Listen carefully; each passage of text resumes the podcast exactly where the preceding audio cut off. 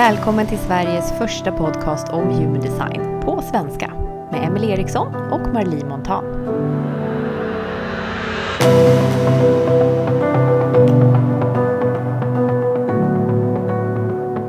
Hej igen Marlie och hej igen alla lyssnare. Hej Emelie! Kul att se dig igen. Detsamma. Alltid lika roligt. Och det känns som att jag säger det också varje gång, för jag är så glad varenda gång vi ska spela in. Jag med. Som ett barn på julafton. Lyx! Ja, jag sitter här på ett uh, retreat då, fortfarande och, uh, och sitter nu i en liten sån här städskrubb som jag hittade uppe på vinden uh, och spelar in. Mm. så vad gör man inte för podden? Ja, vad gör man inte? Jag mm. försökte ju som den projektor jag är att ligga i soffan och spela in. Gick så där. Vet vi det? Var ja. värt ett försök. Mm. Um, Okej, okay. dagens tema idag tänkte vi skulle vara energicentrerna i Human Design. Och energicentrerna det är ju då alla de här trekanterna och fyrkanterna som man ser på sin karta. Mm. Som då kan vara både vita eller i färg. Mm. Så vi kan väl börja med att berätta lite vad är skillnaden egentligen på att ha ett center som är i färg och vad betyder det om det är vitt? Mm. Och det här är ju väldigt intressant just när det kommer till energicenter och vad det är för typ av energi man har tillgång till och inte. Eh, och definierade energicenter är de som är färgade. Det finns lite olika färger, men det spelar inte så stor roll. Men att de är ifyllda i någon färg innebär att det är definition. Och det innebär att det är den energin som man har konsekvent tillgång till varje dag, hela tiden och som man också kan dela med sig av till andra. Precis. Mm. Man kan nästan säga att det är det, det som är en del av det du är här för att ge till världen. Det är en del mm. av ditt uttryck i världen, kommer från de här definierade centren. Mm. Och jag tänker också att det är i de centren man är naturligt stark. För det pratar jag ofta väldigt mycket om med mina klienter och det stämmer alltid. Mm, bra också, ord. Ja, för jag tänker att där i de centren där man är naturligt stark är det också många eh, genom ens liv som kan ha försökt att förminska en. Mm. Eh, och det ser man väldigt tydligt faktiskt när man tittar i sin karta.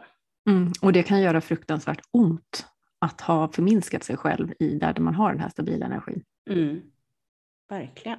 Det vet jag kan jag säga.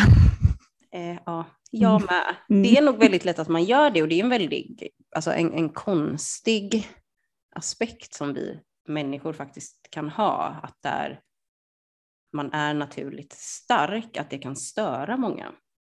Ja, och så tänker jag kanske också då att när vi är barn så kommer den här energin väldigt spontant ut. Mm. Och då är den ju kanske inte helt balanserad heller, så det är klart att man kan ju ha fått, eh, alltså att man har blivit tillsagd som barn Mm. När den här energin har kommit ut lite obalanserat och så har det hakat upp sig.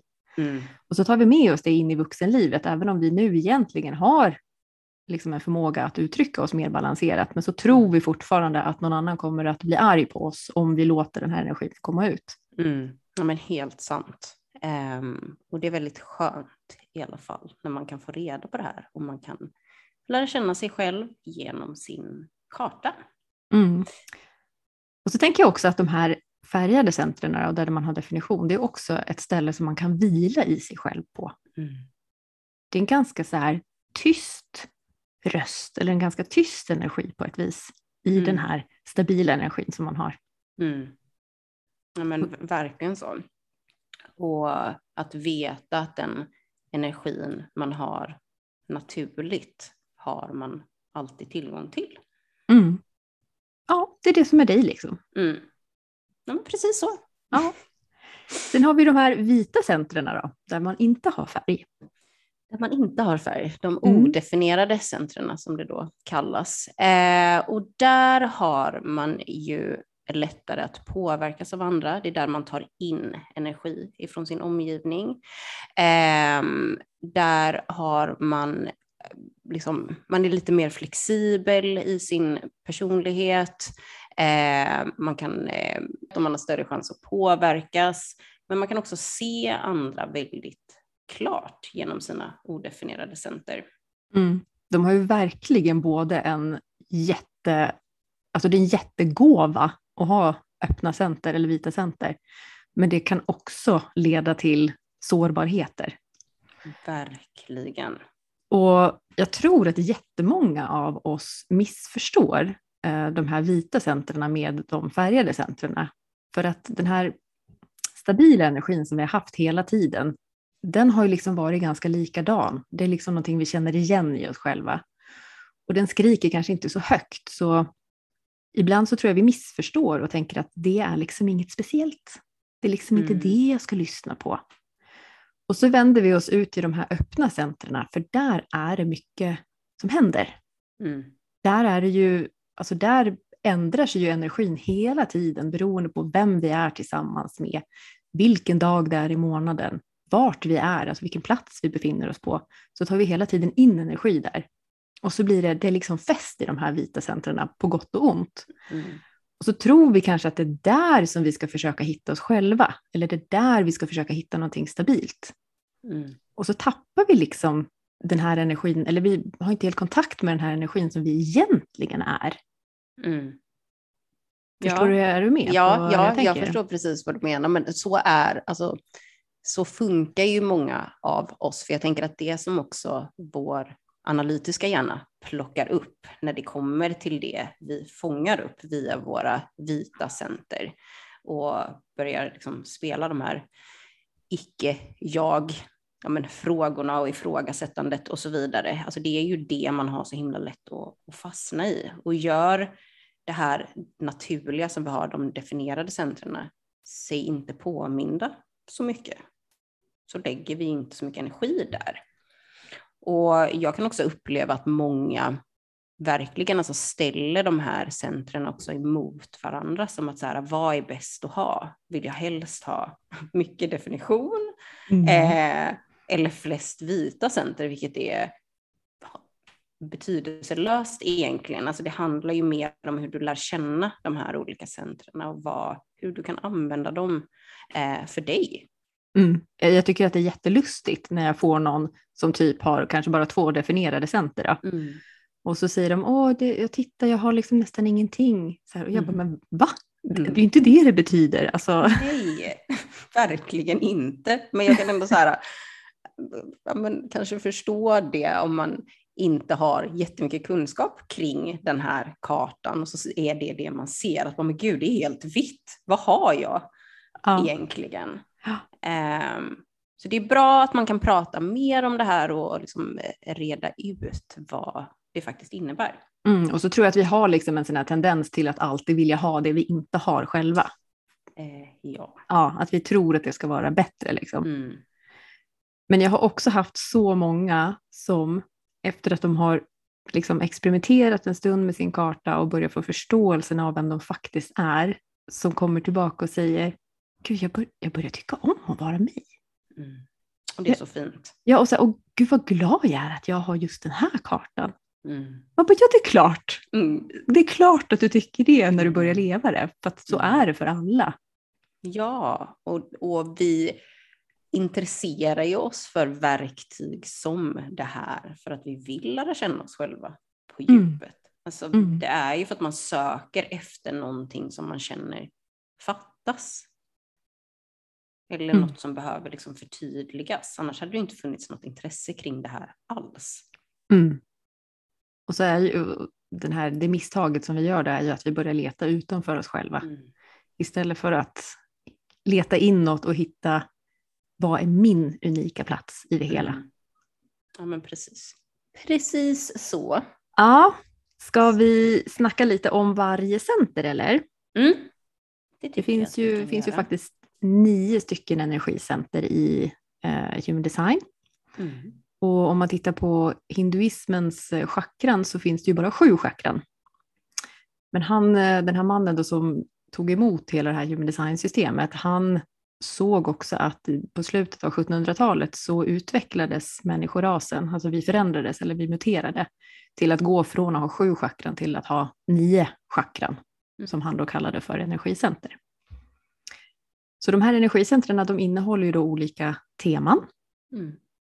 Så um, ska vi börja på toppen eller vad tänker mm. du? Ja, men det är väl lättast och så går vi neråt. Mm. Så alla är med på vart vi är någonstans. Ja, och, och igen, tryck på paus om du inte har hittat din karta och så går du in och hämtar den. Mm. Så du kan följa med och kolla. Ja, så, så värt att göra det. Ja. Verkligen. Mm. Okay. Eh, men ja, om vi börjar uppe på huvudet eh, har vi en triangel, vårt kroncenter som mm. det heter, eh, som är ett utav våra två pressure centers.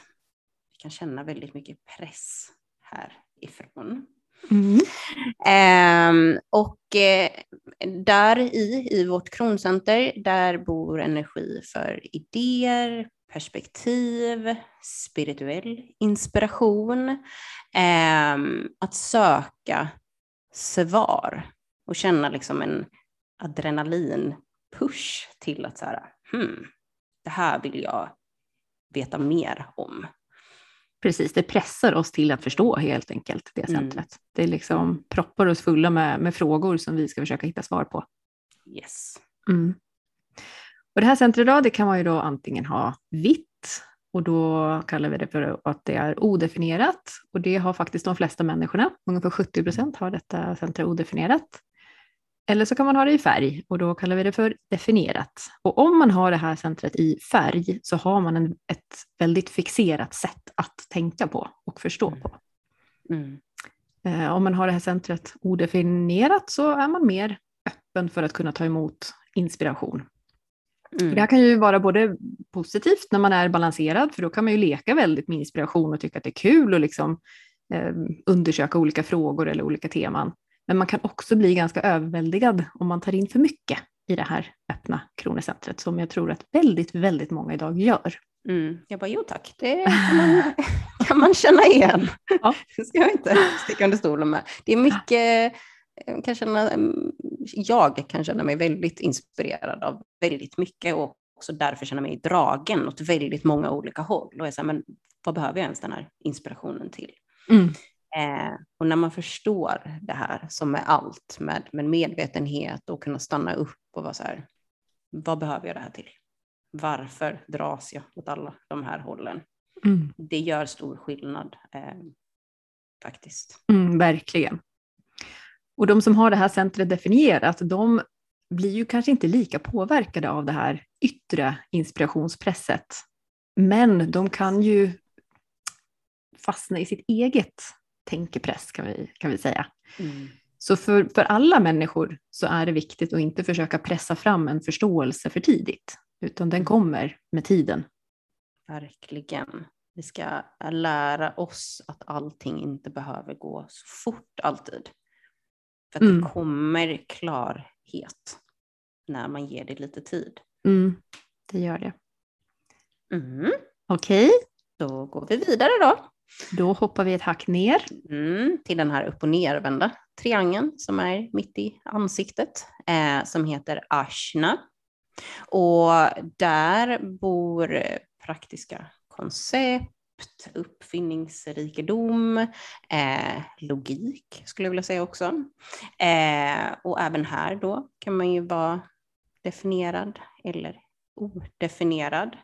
Eh, och när man är vad ska vi börja med, odefinierad när man är vit, då kan man vara väldigt lösningsorienterad, alltså väldigt öppen för att förstå många olika aspekter av saker och också människor. Eh, men man kan också känna sig väldigt alltså, okoncentrerad vill jag nästan säga, för det kan komma väldigt mycket hela tiden utifrån. Eh, man kan hoppa lätt från en sak till en annan man känner att så här, här ska jag sätta mig och skriva en stund och så bara nej, fast just det, det där ska jag kolla upp och sen, ah, vad ska vi äta ikväll och så ska jag ringa den där personen. Det är mycket som kommer. Och som ni hör så har ju jag den här odefinierad. så jag vet precis vad jag pratar om. Eh, men samma här också, att man gärna vill ha en, en förståelse för, för saker.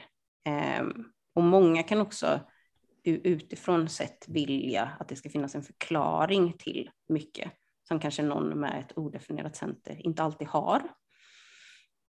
Mm. Um, därför kan man låtsas att man är säker på saker ibland, um, alternativt att man inte delar med sig av saker som man känner sig så osäker på, utan man, man tar det som man kan förklara.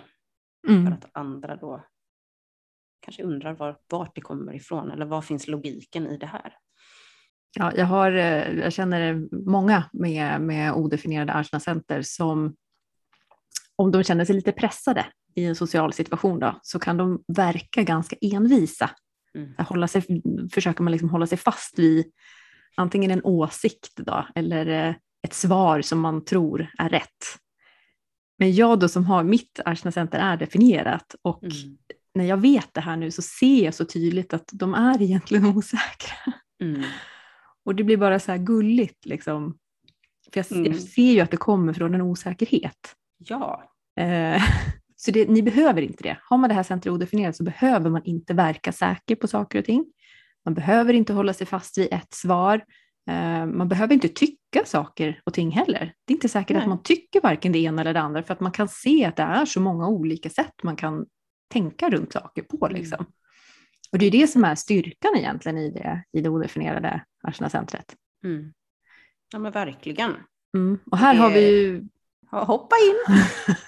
här är ju ett av de centren som jag har önskat att jag skulle ha haft odefinierat. Då. Jag har ju mitt definierat. Mm. Mm. Jag, har sina... jag bara, varför då?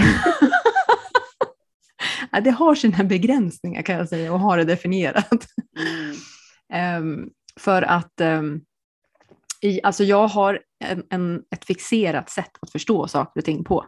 Mm. Så jag kan ibland bli tokig för jag ser hur lätt ni med ett odefinierat Arsena Center plockar upp saker och ting. Och jag bara säger, jag fattar inte. Jag förstår mm. inte. Det går inte mm. in i min tratt. Mm. Det går inte in i min fyrkant, liksom, i, i mitt förståelsessätt. Så jag kan ibland liksom tycka att det, det ligger i vägen. um, Ja, och sen, eh, men det som är kul med att ha ett definierat Arsena Center det är ju att vi faktiskt älskar att tänka på saker och ting som vi tycker är spännande. Och att vi, ja. vi ska göra det. Alltså vi finner en stor glädje i att gå runt och liksom eh, komma ihåg saker, lära oss kunskap som vi kan memorisera och som vi kan liksom sätta ihop till förståelser i vårt huvud. Liksom. Mm. Så det är ganska spännande att se tycker jag på människor som har eh, väldigt mycket utbildning. För mm. de är ofta definierade i både Arsnacentret och i Kronocentret. Mm. Det betyder inte att de är smartare, men de tycker om de att tycker om samla det. på kunskap. Yes. Ja. Information. Mm. Nej men alltså ver verkligen så. Eh, och just det här som du precis nämnde med att du gillar att tänka, det tycker jag är viktigt att man faktiskt säger. För inom human design så pratar vi mycket om att så här, våra beslut ska inte komma ifrån vår analytiska hjärna på det sättet, utan vi ska känna med hjälp av vår auktoritet. Eh, men det här betyder ju självklart inte att du inte ska tänka. Utan tänk så mycket du vill och vrid på saker fram och tillbaka och hitta din information som du behöver. Men ta inte ditt beslut ifrån din analytiska hjärna. Precis. Yes. Mm. Ja, men då fortsätter vi neråt då till vårt halscenter. Ja, som jag tycker är ett av de absolut mest spännande centren i hela chartet. Alla vägar leder dit. Ja. Eh, och det är ju mycket det som, som halscentret handlar om, att all energi som flödar inom oss får utlopp, eller vårt halscenter ger en röst åt de här energierna. Så det här är ju kopplat till kommunikation och manifestering och handling helt enkelt, att man, någonting liksom träder i, i kraft. Och har man ett eh, definierat halscenter så är man en person som man är bra på att kommunicera. Alltså man har koll på kommunikation. Eh, det finns ett förtroende oftast hos personer som pratar som har ett definierat eh, halscenter. Det finns tyngd i det man säger. Man gillar oftast djup, kan prata mycket, eh, kan ställa många frågor. Mm, man kan också ha ett specifikt sätt att uttrycka sig på beroende på vilken gate och så vidare man har aktiverad i det här centret. Mm. Eh, ja. Man har liksom ett in, ja, man kan kanske säga att man har ett inre press till att uttrycka sig genom eh, de kanalerna och de portarna som man har definierade i halscentret. Mm. Så det, man, man tycker om att uttrycka sig helt enkelt, antingen ja. genom vad man gör eller vad man säger på det sätt som är naturligt för en själv, som man då mm. kan hitta genom kanalerna och portarna. Mm. Men om man har halscentret odefinierat öppet så är man här för att egentligen bli expert på alla sätt som man kan kommunicera på. Har man yes. halscentret definierat så blir man ju expert på ett sätt, på sitt eget sätt. På sitt eget sätt, ja. Mm. Men när, man, när det är öppet så kan man bli mer så här, man kan bli duktig på att avgöra vem som kan kommunicera bra mm. och vem som hade behövt kanske hjälp till att lära sig att kommunicera tydligare eller mer som sig själv till exempel. Mm. Um, man kan ofta vara duktig på alltså röst generellt. Det är ofta väldigt, väldigt vackert att höra en människa sjunga som har en öppen hals, för det är så mm. naket på ett vis. Mm. Och de, de kan ofta liksom leka med rösten på olika sätt. Mm. Min son har det här centret odefinierat och han älskar att härma dialekter och härma olika saker som han har hört. Går han mm. runt och liksom repeterar och det låter precis likadant som de här han härmar. Liksom. ja. ja. Eh, ja, det är jättekul. Så, men det är inte så jättemånga som har halscenter odefinierat, det är ganska ovanligt faktiskt. Ehm, mm. Men sårbarheten då i att ha ett odefinierat halscenter, det är att man är rädd för att man inte ska få uppmärksamhet. Man är rädd för att det inte ska bli min tur att prata. Mm. Och då kan man antingen eh, göra vad som helst för att få uppmärksamhet, eller man kanske pratar alldeles för mycket om saker som egentligen inte är viktiga. Det blir bara mm. babbel. Mm. Eh, eller att man inte vågar prata alls för att man vet inte hur man kommer låta i och med att rösten är ostabil. Alltså den, mm. den ändrar sig beroende på vem man pratar med. Ja, men precis. Men sen skulle jag eh, vilja säga också när man har ett, ett odefinierat eh, halscenter, att ibland så är det en, en fördel att faktiskt vara tyst i vissa sammanhang, för då kan man också bli väldigt magnetisk. Mm. Eh, och jag upplever faktiskt att de jag har haft readings med som har haft öppna halscenter, när jag har berättat det här, de bara, ha är det därför alla alltid ska fråga om min åsikt när jag är ja. tyst? Ja. Och det här är just väldigt intressant kopplat till det som du sa med att man känner ibland att man bara pratar för pratandets skull. Att med fördel, där du känner att här vill jag faktiskt dela med mig av någonting som jag vill att människor lyssnar på, låt det få ta lite tid då. Sitt ja. och lyssna och vänta på att bli inbjuden till det här samtalet. Mm, precis.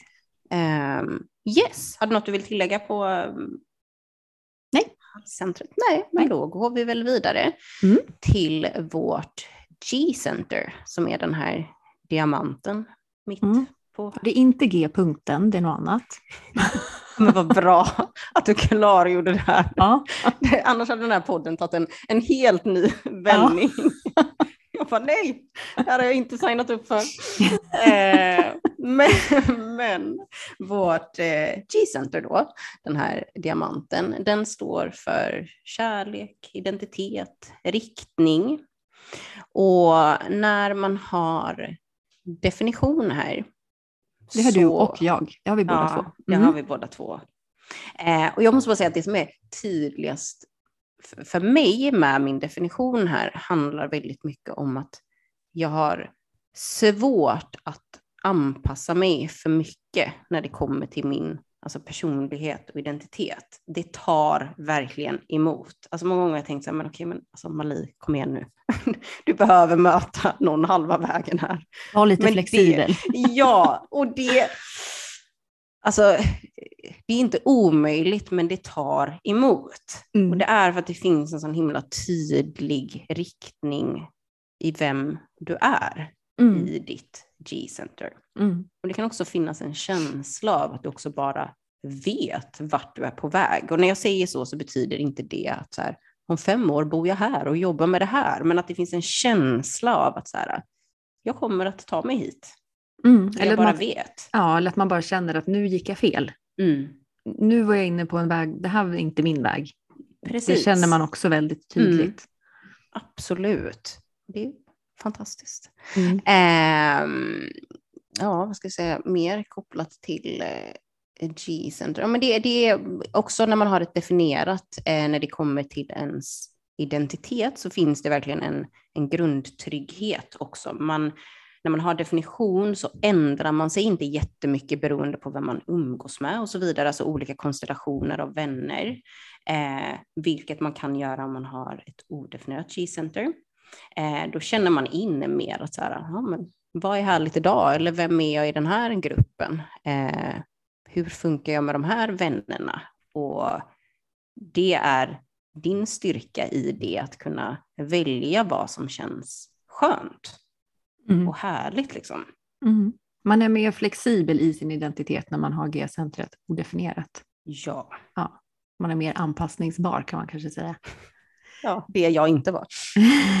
inte jag heller. Men jag, alltså här måste jag bara säga, um, för min egen del så jag har ju varit väldigt utbränd och väldigt sjuk i många, många år och mycket av det handlar om att jag eh, försökte vara flexibel i min mm. identitet, att jag försökte anpassa mig.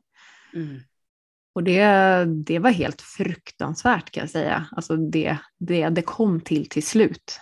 Eh, och, alltså, och det var ju nog mycket för att jag var rädd för att få kritik, eh, jag var rädd för att vara annorlunda, jag var rädd för att våga liksom, sticka mig fram med den jag är. Så att jag håll, håll, höll liksom tillbaka mig själv mm. så mycket och försökte att göra det som andra tyckte var rätt. Försökte att liksom följa med på andras sätt att uttrycka sig på och vara på. Mm. Uh, och jag tror att det var därför jag blev sjuk. Mm. För att jag höll tillbaka min egen energi helt enkelt. Jag vågade inte uttrycka den i Nej. världen.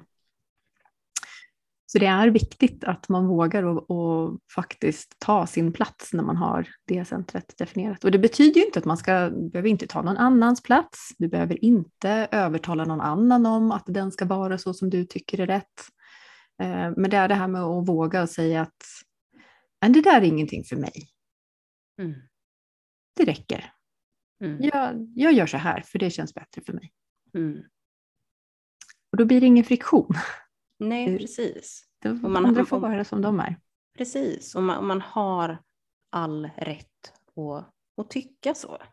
Det är, liksom mm. så här, det är väldigt märkligt att vi alla ska vilja samma saker här i livet. Att alla liksom så här, jagar samma dröm. Det borde ju få oss att stanna upp istället och vara så här, vad är det för fel med den här bilden? Varför vill alla samma saker? För det är ju jättekonstigt. Mm. Ja, men det är det, verkligen. Mm. Jag skulle bara vilja säga en liten sak till om det odefinierade G-centret. Ja. Det är att eh, när man är obalanserad så kan det hända att man tror att man måste då framstå med en väldigt klar och tydlig identitet. Mm. Men det är ju inte det man är skapt för. Alltså man är ju, du ska inte kunna placeras i en box när du har Nej. ditt G-center odefinierat. Så det är så här, om folk säger att ah, jag får inte helt tag på dig, då kan du tänka yes. Mm. Ja. För att du ska inte vara liksom fastlåst i den du är, utan du, du får flyta runt och experimentera med hur du uttrycker dig och hur du klär dig och ja, vem du umgås med, vilken restaurang du går på och så vidare. Det är liksom mm. din styrka. Och det gör ju också att du kan bli väldigt klok på andras identiteter. Du kan bli duktig på att se vem är den andra personen för att mm. du själv har varit inom så mycket. Precis. Mm. Precis. Nej, skitbra. Ja, okej. Okay. Vad ska vi ta nu då? Ska vi ta viljeshjärtat eller? Ja, det gör vi. Mm, som också då kallas för egocentret, som är den mm. här lilla trekanten som ligger nedanför diamanten på höger sida. Yes. Och den innehåller då viljestyrka, den innehåller mod, den innehåller genomföringskraft och den innehåller ofta också en känsla av eget värde. Mm. Så de flesta människorna har det här centret odefinierat. Eh, yes. Men om man har det definierat som jag har så har man en stark vilja. Man vet vad man vill, man vet vad man inte vill. Man har också det jag kan, brukar kalla för pannben. Mm. Alltså jag kan genomföra på ren vilja. Beslutsamhet som ingen annan alltså. Det, mm. det har du. Mm. Så här kan vi snacka motivation. Så mm. Det här är ganska intressant då, att vi pratar så mycket om det här att nu ska jag bli motiverad. Nu ska jag mm. lära mig att bli motiverad för då kan jag hålla mina nyårslöften och mm. börja träna fem dagar i veckan och så vidare. Men det går faktiskt inte om man inte har det här centret definierat. Nej. Är det odefinierat så har du en viljestyrka som är varierad. Den går upp och ner, den är inte stabil. Mm. Och det här gör ju också att eh, det kan kopplas ett slags värde till det här centret. För att ju mer viljestyrka vi har, ju mer klarar vi att prestera. Och när man då inte alltid kan det, så kan man missförstå och tänka att jag har inte lika mycket värde som alla de som kan prestera så där mycket. Så vi har liksom, jag kan nästan säga att vi har blivit lite hjärntvättade av det samhället vi lever i idag, för det är så mycket fokus på prestation och att mm. genomföra saker och att ha motivation till ting. Mm. Och har man då ett odefinierat viljeshjärta så plockar man ju upp det här. Och så kan det hända att man då missförstår och tänker att det här har med mig att göra. Mm. Och så är det egentligen bara samhällets normer som du har plockat upp. Yes. Mm. Nej men alltså precis så. Och jag har ju ett odefinierat egocenter.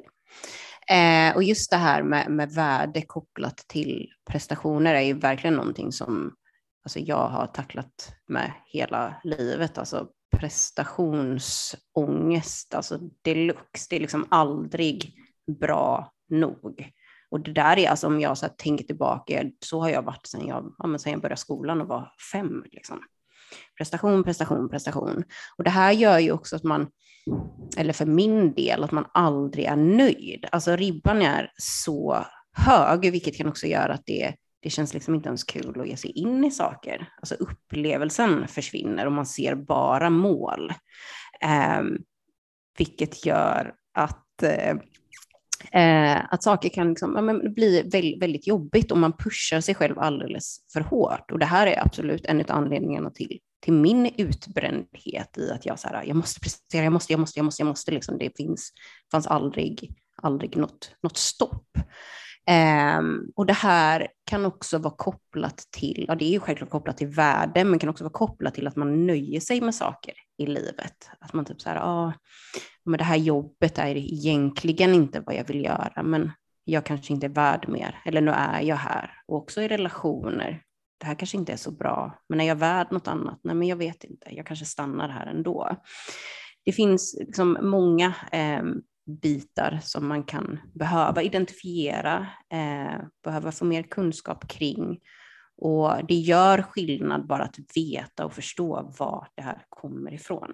Och det har det mm. verkligen gjort för mig och det var väldigt skönt för att jag bara, jaha, vad, vad trevligt att jag mm. har ett odefinierat heart center. Men jag kan ändå se vad, alltså, alltså lärdomen i det, för det är ju det det handlar om i, i alla center som är vita, att vi är här för att lära oss inom det här området och bli liksom, visa.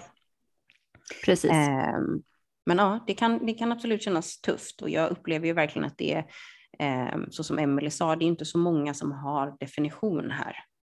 Det är inte så många som har ett färgat heart center eller mm. ego center. Mm. Så det, ja. Och det är inte bara lätt det heller kan jag säga, för att det gör att jag är ganska oflexibel. Mm. Och om inte jag får det som jag vill det är inte så kul att vara mig då. Nej. Nej. Jag förstår det. Så, ja. mm. Men sen också den här motivationen som vi pratade om. För att det upplever jag ändå, du har ju den här inneboende motivationen ändå. Du kan sprinkla din beslutsamhet på situationer och bara nu, nu kör jag bara som du nämnde med, med pannben. Men det är självklart att du också kan vara i situationer där du känner dig omotiverad.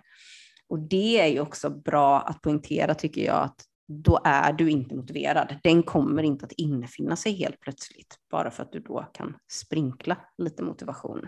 Precis, du kan inte hämta den från huvudet eller från en idé, utan den måste du känna efter själv om du har eller inte. Precis. Och sen ger vi och tar av varandra här, så när jag är med Emily så kanske jag känner mig extra motiverad eh, och taggad på att genomföra saker och så vidare. Och det är väldigt fint när vi förstår det här samspelet. Mm. Och att ni också är färre som har definition kan man ju kanske ha märkt av i alltså skola eller arbetsliv och så vidare när man har varit i grupper med andra människor, att alla är jättemotiverade när man själv är där och så försvinner man och så bara gör ingen någonting. det, jag bara, känner du igen det? Mm. Eh, så att ja, Okej, ska vi ta nästa center? Ska vi gå på solarplexus eller emotionscentret? Mm. Det, det, kan vi göra. Vill ja. du börja? Det kan jag göra. Och solarplexus är ju då den trekanten som ligger längst ut till höger, lite ner på kartan liksom. Och det handlar ju då om emotioner och jag väljer att använda ordet emotioner för att jag skiljer på emotioner och känslor. Känslor är för mig någonting mycket djupare som kanske är renare känslor, medan emotioner är mer drama. Det är liksom mm. mer det här som ligger lite på ytan som eh, ja, dramat i, i våra liv helt enkelt. Intressant. Ja, och jag vet att man inte, det är inte så vanligt att man skiljer på det här, men um, allt det här som jag har hållit på med, fördjupning och, och, mindfulness och sånt, så kommer man in på det temat e-, efter en stund och ser att det är ganska stor skillnad på de rena känslorna vi har från mm. den här dramatiken som vi ofta skapar, mm. som inte är till så stor nytta egentligen. Mm.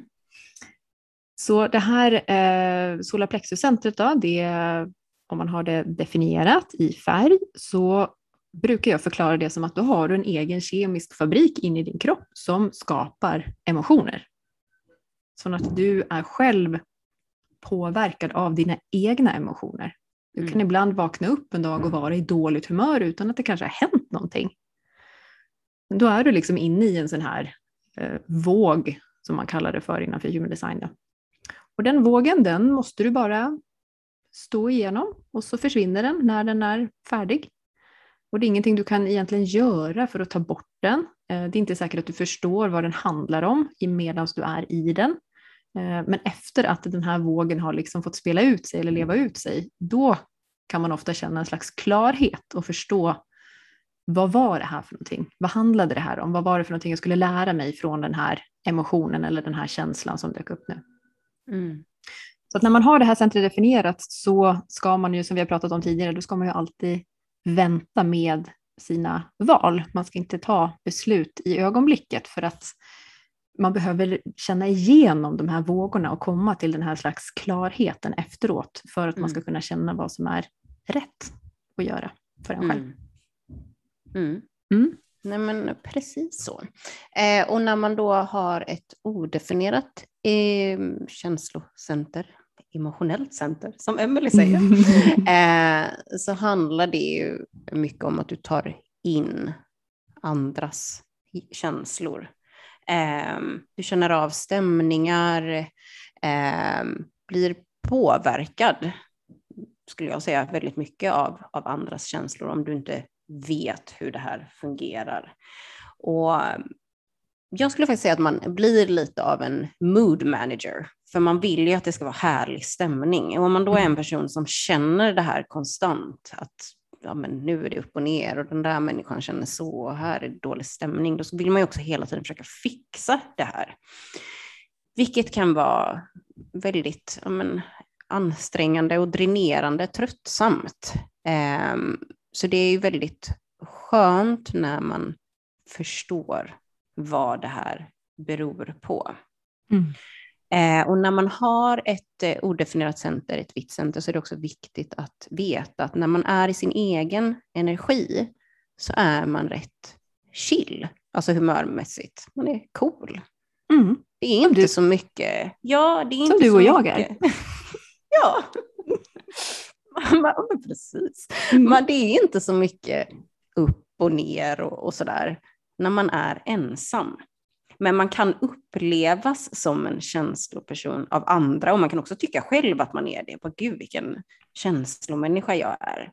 men det är oftast inte ditt. Mm. Det här centret, när jag fick veta det om mig i början med mitt human design, det var liksom den största aha-upplevelsen i mitt liv. Mm. Eh, och alltså jag blev ju till och med påverkad av vädret. Ja, men alltså samma här. Alltså helt sjukt. Men jag är inte det längre. Det, det, är så stor skillnad. Mm. Nej men alltså det är verkligen som du säger, det var så skönt. Och bara, okej, okay, vad gör jag för att sluta ta in allt, allt, allt, allt, allt? Mm. Men det har varit jättesvårt tycker jag. Jättesvårt att eh, träna jag, mig på det här. Jag är inte där än, alltså nej. Jag tränar på det och jag är medveten eh, och kan också lättare snappa upp på grund av min medvetenhet att bara okej, okay, det här var inte mitt, jag behöver inte gå in här. Men mm. det är svårt, för det här är mm. absolut någonting jag har gjort hela, hela, hela, hela livet. Liksom. Mm. Um, och jag tänkte också så här, det här är nästan pinsamt att säga, men när jag fick min karta då första gången och såg det här, då var jag nästan som, jag ska gå runt och visa det här till folk så att de förstår att de måste vara försiktiga med mig, för jag tål liksom inte känslor så mycket. jag tyckte liksom att jag var, då var jag, hade jag rätt att liksom slippa undan det här. Gud, jag ser verkligen dig framför mig på middag med att typ så här ramat in din chart. Ja. Du bara pekar på ditt solarplexus. Mm. Nej men alltså, det, men det är så man kan känna nästan mm. faktiskt. Att bara, men hallå, fattar ni nu varför?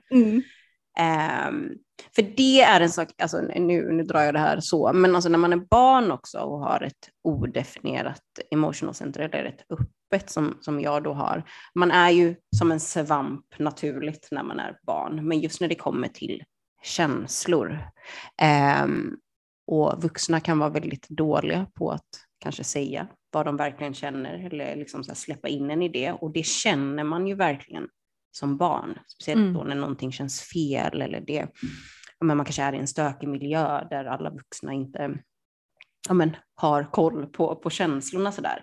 Mm. Det kan vara väldigt tufft och det kan också göra att man i vuxen ålder kan ha upplevt att många saker har varit väldigt traumatiskt. Och här kan man också få många svar baserat på det, för det kan ju vara så att vuxna runt omkring dig inte validerar dig i det här. Eh, så att du faktiskt får äga de här känslorna som du har känt. Mm. Och så mm. tror jag också att vi kan ha en tendens till att förvärra det vi plockar upp. Om mm. det är någonting som inte blir sagt i ett rum så mm. känner vi bara att det ligger någonting där. Och så mm. i vårt huvud så blir det mycket värre än vad det egentligen är. Så att vi mm. liksom, det blir överdramatiserat mm. av det här öppna solarplexuscentret. Uh, ja, då går vi vidare då.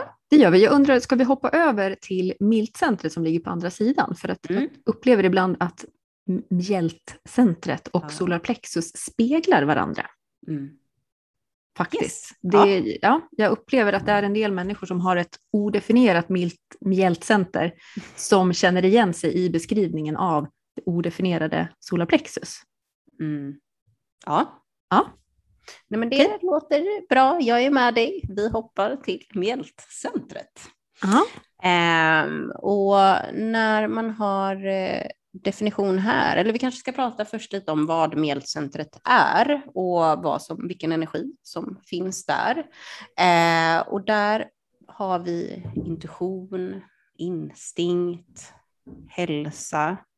Eh, och när man har definition i sitt eh, mjältcenter så ha, är man en person som oftast har väldigt ja, men stark instinkt och intuition och man har bra koll liksom så på, på säkerhet och vad, vad mår jag bra av? Eh, och så vidare. Och jag har ju den här som min auktoritet. Eh, och jag känner ju verkligen att jag får mycket information härifrån om jag lyssnar. För den är också väldigt subtil. Eh, men det här, det, det handlar ju om väldigt spontana ja, men, känslor. Alltså att du känner det i din kropp väldigt starkt, eller kanske en röst för dig, men att du får liksom instinktivt eh, någonting kommunicerat till dig om hur du bör agera. Lyssna på det här och var öppen också för att höra här. För jag tycker att det är många som har det här centret men som inte liksom så här riktigt förstå sig på hur, ja, men hur ska jag använda det här? Eller jag förstår inte vad är skillnaden på magkänsla och på, på intuition och, och så vidare. Och mm, jag brukar jämföra det med alltså, djur, typ ett lejon på savannen. Att det är väldigt så här, det går väldigt fort, men det är verkligen instinktivt för vad som är bra för dig. Eller inte bra för dig, men du får i alla fall en riktning i det. Någonting du kan utgå ifrån. Eh, någonting du vill tillägga i, när det gäller definition? Nej, jag tycker det var jättebra. Men eh, det kan ju kanske hjälpa ibland att göra någonting som gör att man kommer liksom ner i kroppen, kroppen. och inte mm. är så mycket upp i huvudet för att känna mm. igen det här som du pratar om. Mm. Mm. Ja, jätte, jätteviktig poäng att man är connectad till sin fysiska kropp, för annars är det jättesvårt att känna av det här faktiskt. Mm. Eh, och sen när man har ett odefinierat mjältcenter eh, så kan man plocka upp rädslor i det här centret. Eh, och det kan också handla mycket om att man alltså stannar i situationer på grund av, av rädslor, att man inte vet när man ska släppa taget om saker som kanske inte är så bra för en. Att man, ja men alltså säkerhet är väldigt, väldigt viktigt. Så man kan istället för så här, men jag, jag kanske inte vill vara här, men det känns säkert. Därför mm. stannar jag hellre. Man blir lite trygghetsnarkoman. Ja, verkligen så. Och, och det här också med att men, känna in andras rädslor. Eh, det är ju inte den här skräckrädslan, men rädslor som är kopplad till alltså begränsningar som gör att man kanske säger nej till saker i livet eller att man inte vågar det där som man egentligen vill. Och den här rädslan kanske inte ens är din. Det är ju viktigt att poängtera också. Mm. Um, så att man stannar upp och faktiskt ifrågasätter vissa saker är viktigt. Mm. Våga titta på, på, på dina rädslor helt enkelt. Mm. Det gäller ju egentligen både, både definierade och odefinierade. Ja, absolut. Att man eh, inte låter rädslan styra, men var nyfiken på vad är det här för någonting egentligen. Mm. Ja, för mm. det finns någonting viktigt i att du känner den här rädslan. Ja, eh. och, och, ibland så är ju det viktiga bara att se att det här var en rädsla som egentligen var helt obetydlig. Det är ju mm. också en visdom de gånger när vi upptäcker att oh, herregud, det här, var ju, det här hänger ju ihop med den där grejen som hände när jag var tre år. Det, det mm. gälls ju inte längre. Liksom. Mm. Mm. Ja, alltså man, man inser ju, ju, ju mer man dyker ner i sin design hur många små saker som hänger sig fast, som man har gjort till sina sanningar helt enkelt. Så mm. man bara, det här lever jag mm. efter, varför ja. då? Precis, och så, man har levt med det så länge att man ser inte ens Nej. att det är styrande. Nej, det ja.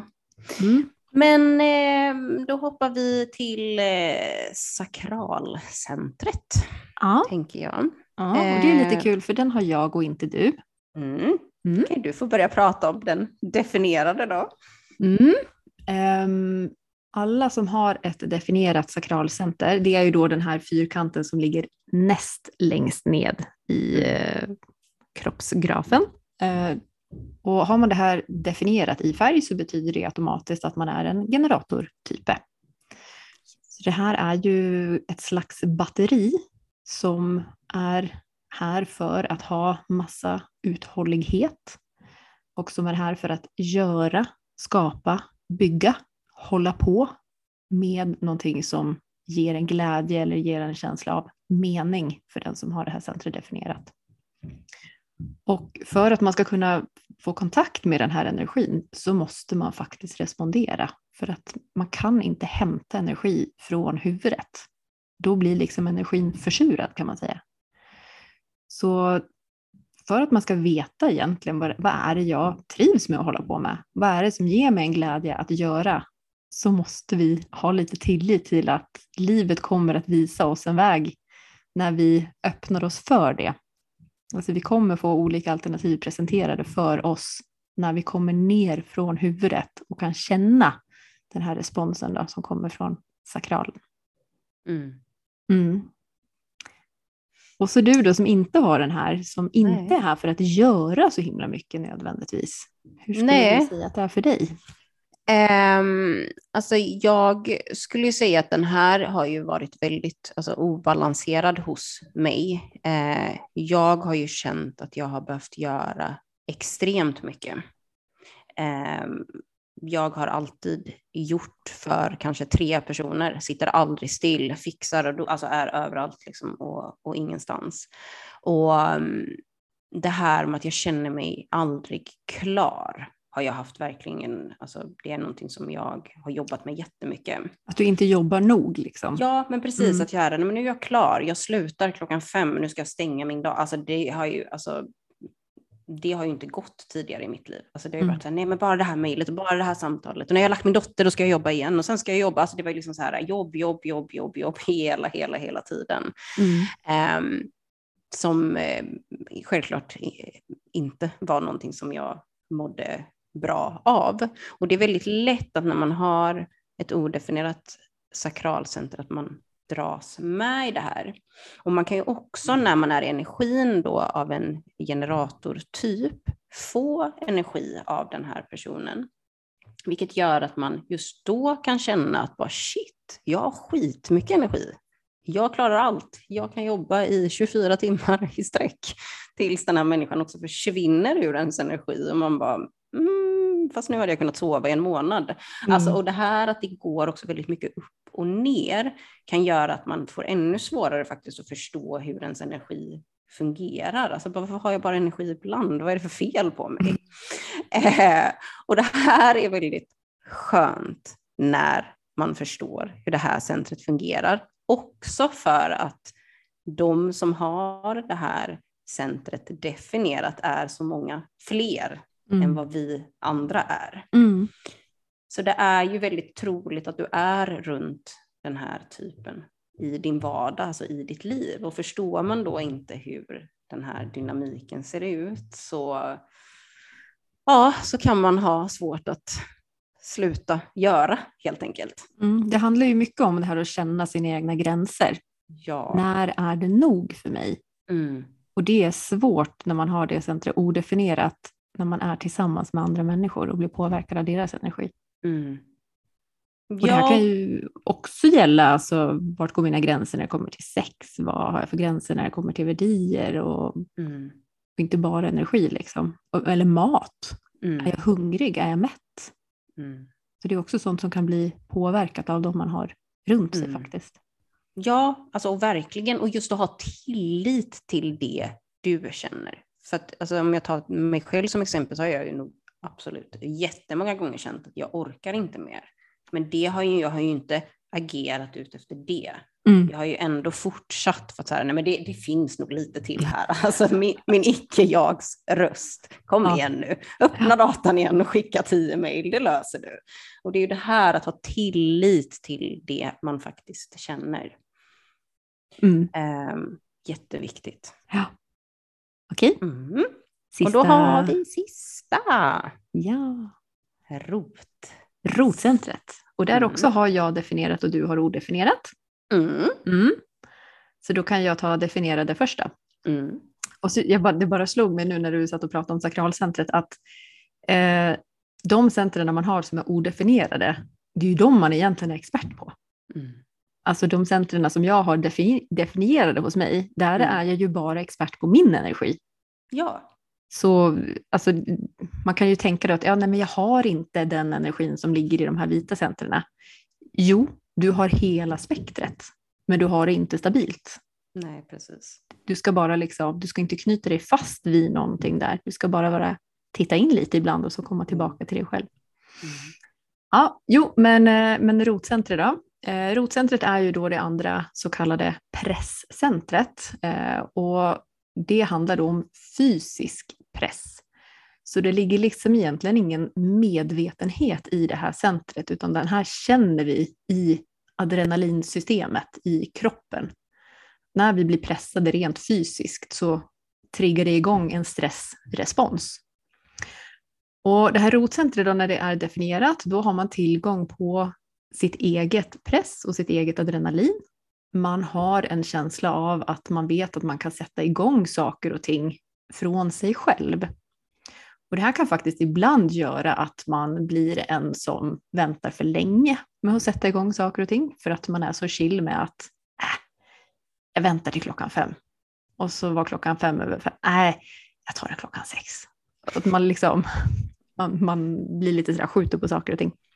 Men är man då intunad på sig själv, på sin egen kropp, så eh, kan vi alltid känna när tajmingen är riktig att sätta igång någonting.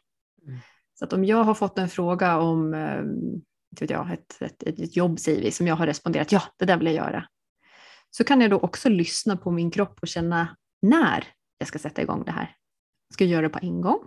Eller känner jag att ja, jag har jättelust, men just nu är liksom inte tajmingen riktig till att komma igång. Jag kanske måste vila en timme eller jag kanske måste vila i tre dagar eller ja, vad det nu, vad det nu mm. är. Men jag vet att jag har eh, det som ska till för att komma igång i mig själv. Jag behöver liksom inte hämta det utifrån. Mm. Så när jag är liksom i balans, då, i kontakt med mig själv, så blir jag inte så himla påverkad av andras press. Så att om någon då skulle säga, ja men du borde starta idag, så kan jag liksom vara ganska trygg på att nej, det ska jag inte göra. Det, det känner jag att det är fel timing för mig och så blir jag kanske inte så påverkad av det om någon annan tycker att jag borde göra det nu. Mm. Men så är det ju inte för dig då som har det här odefinierat. Nej, nej det är det ju verkligen inte. Alltså jag skulle ju säga rent eh, eh, så här, naturligt så är jag inte en person som varken mår jättebra av press och stress eller hanterar det speciellt bra. Eh, och det här är ju någonting som jag under livet har trott, eller snarare iklätt mig, eh, liksom så här, lagt till i min person att så här, men gud, jag hanterar stress så bra. Jag älskar nästan stress. Jag är rätt bra på det faktiskt. Ju mer projekt, desto bättre. Nej, jag är skitdålig på det rent ut sagt. Och det mm. här var ju faktiskt väldigt skönt. Det kan låta så konstigt bara, men om du vet att du inte mår bra av stress, varför ska en, en karta i human design liksom ge dig någon tillåtelse? Men det är väldigt skönt att få den bekräftelsen i att så här, oh, gud, jag behöver inte låtsas att jag tycker att det här är skönt, för det är inte rätt för mig. Jag behöver så lång tid jag kan få, alltså långa deadlines, känna efter lite så här, men vill jag göra det här, jag vill göra det när jag känner att det, det känns bra för mig. Inte ta in det här stresspåslaget ifrån någon annan. Att bara, jag måste bli klar nu, jag har jättebråttom att göra det här färdigt. För det här att ha jättebråttom att göra någonting färdigt kommer heller aldrig ta slut. För det kommer alltid finnas något nytt mm. att ta upp. Mm. Alltså, och det här är ju alltså, the story of my life. Alltså, det här har jag ju gjort. Alltså, jag har bara gjort, gjort, gjort, gjort, gjort med alla. Ja. Och det blir inte så bra. Um, så att försöka lära känna sig själv. Vad, vad, vilken tid behöver man? Hur flexibel kan du vara? Alltså försöka se och skapa den här liksom, tillvaron för sig själv. Där man ja, men, mår så bra som möjligt helt enkelt. Mm. Och så tänker jag också att det kan vara smart att uh, komma ihåg att de här öppna centren, de förstorar energin som man tar in. Mm. Så det kan hända att man upplever att andra pressar en mer än vad de faktiskt gör. Mm. Det kan hända att en kollega faktiskt bara frågade, har du tid att se på det här mm. till imorgon?